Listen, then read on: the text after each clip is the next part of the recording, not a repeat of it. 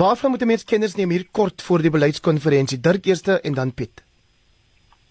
Wel ek dink daar's nou twee aspekte waarna ons moet kyk. Die een is die debat oor ekonomiese beleid. Ons ons sien in die openbaar is daar hierdie groot spole tussen sogenaamde wit monopoliekapitaal aan die een kant en interne uh, uh, radikale ekonomiese transformasie teenoor die Ramaphosa en ander groep wat praat van inklusiewe ekonomie van 'n radikale sosio-ekonomiese transformasie en dan natuurlik van staatskaping. So dis dis die een dimensie dink ek wat natuurlik meer spesifiek op die beleidsaspekte gaan uh konsentreer. En dan die tweede een is hoe die ANC nou in twee groot groepe verdeel het.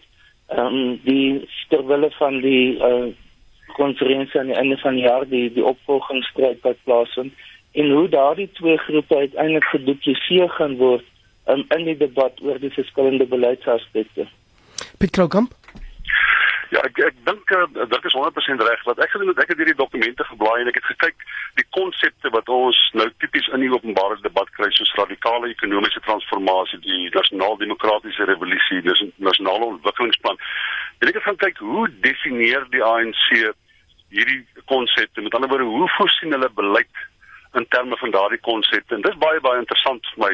Uh jy sal sien soos wat Dirk verwys het na die twee faksies wat ons het binne die ANC. Albei van hierdie faksies gebruik daardie konsepte deurlopend. Maar hulle definieer dit waarskynlik verskillend. En as ek na die beleidsdokumente kyk, is dit baie duidelik dat dit vir my lyk asof daar 'n groter rasionaal ingetree het van beter bestuur, meer effektiewe bestuur, meriete wat moet geldig wees, oorsig wat moet plaasvind, die hervorming van instellings om 'n tipe van 'n morele kompas te vorm wat wegbeweeg van die bestaande politieke politieke identiteit wat ons nou het. So dis my baie duidelik as 'n mens na die nou, ek wil dit nie fynskrif noem nie, maar as mense gaan kyk na die operasionalisering van hierdie konsepte, is dit baie duidelik dat die ANC nader beweeg na wat ek dink, noem dit nou maar die Silver Maposa model van politieke bestuur. Dit kon sê maar geen waarborg dat dit uiteindelik so deur die konferensie aanvaar sal word nie.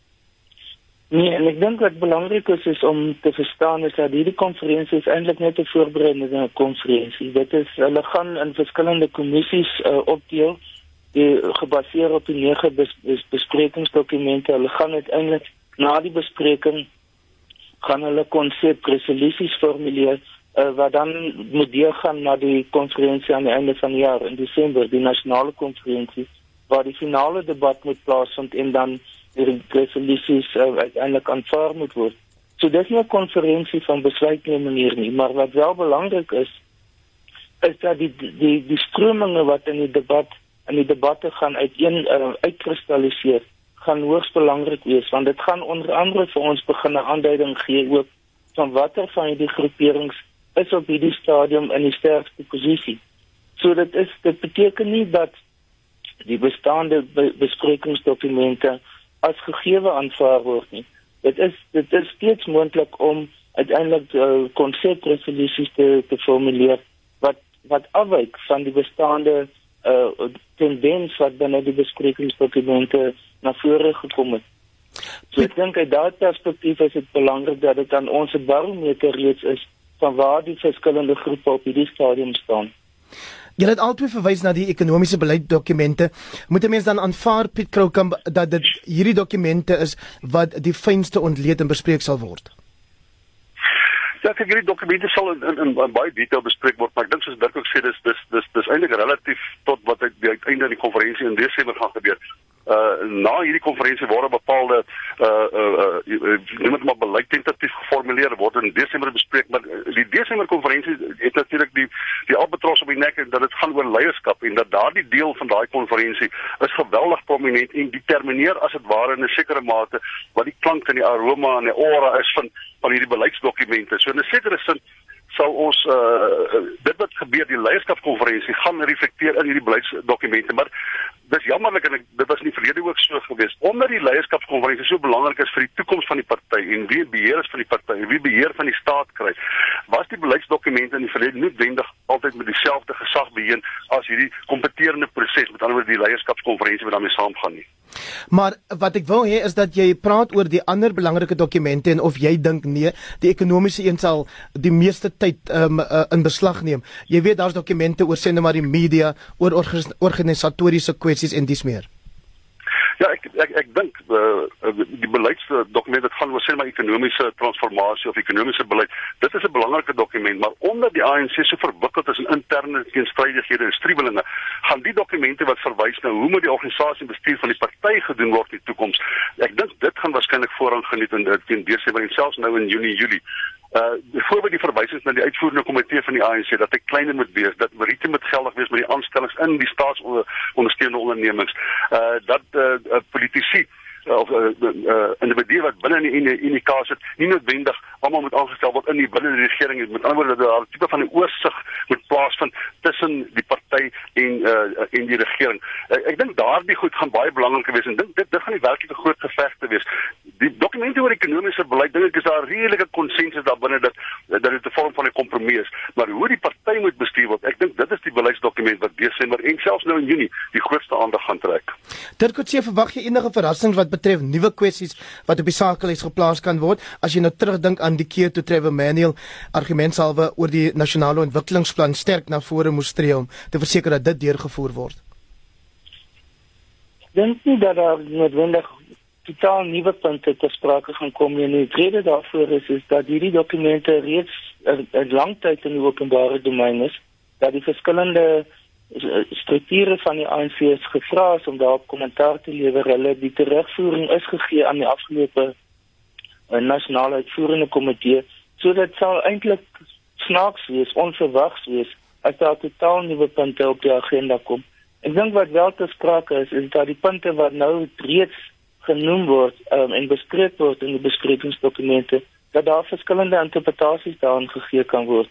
En in daardie geval dink ek die ekonomiese dokument is waarskynlik die een wat die mees mees moontlike is om om so geïnterpreteer te word.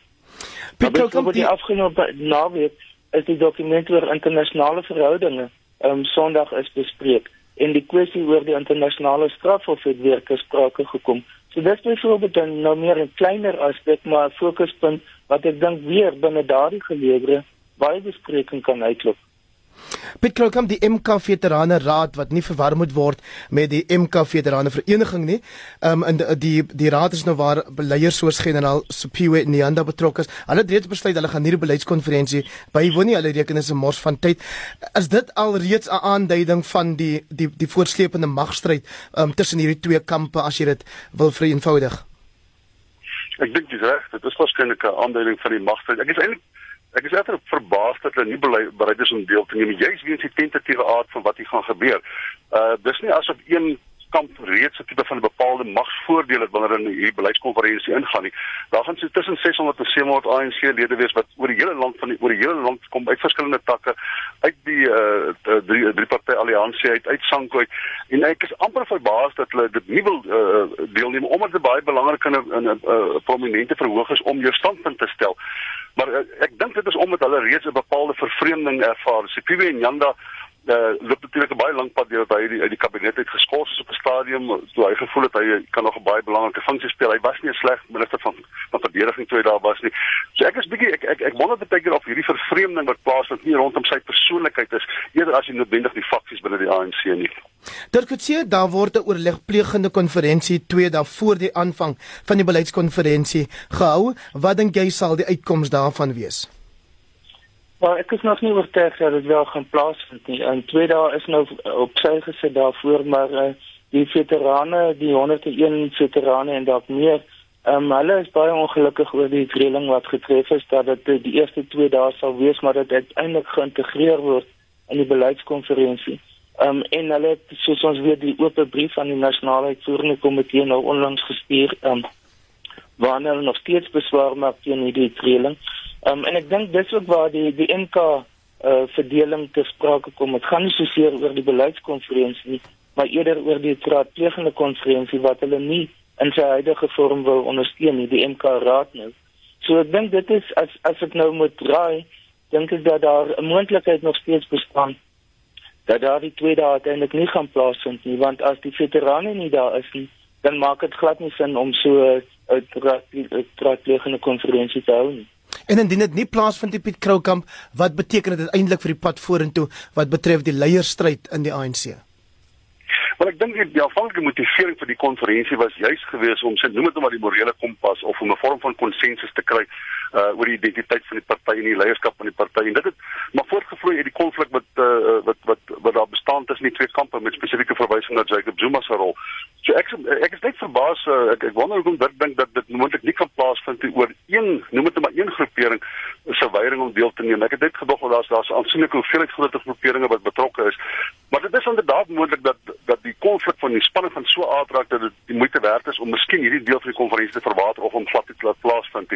Maar ek sou baie verbaas wees as een kleiner groep, relatief kleiner groep, uh, so groot uh, effek kan hê op uh, binne die party om so kon vir om daai belangrike twee dae wat nou die laaste uh, amper jaar nou op ter sprake is uh jy van die tafel te vee. Dr Piet Kroukamp is 'n dosent in politieke teorie by die Noordwes Universiteit se Mahikeng kampus en Dr um, of liewer professor Dirk Kotse, doseer politieke wetenskap by Unisa. Ons sal hier by Monitor verseker dat ons hierdie gesprek lewendig hou aan die aanloop tot en tydens die konferensie.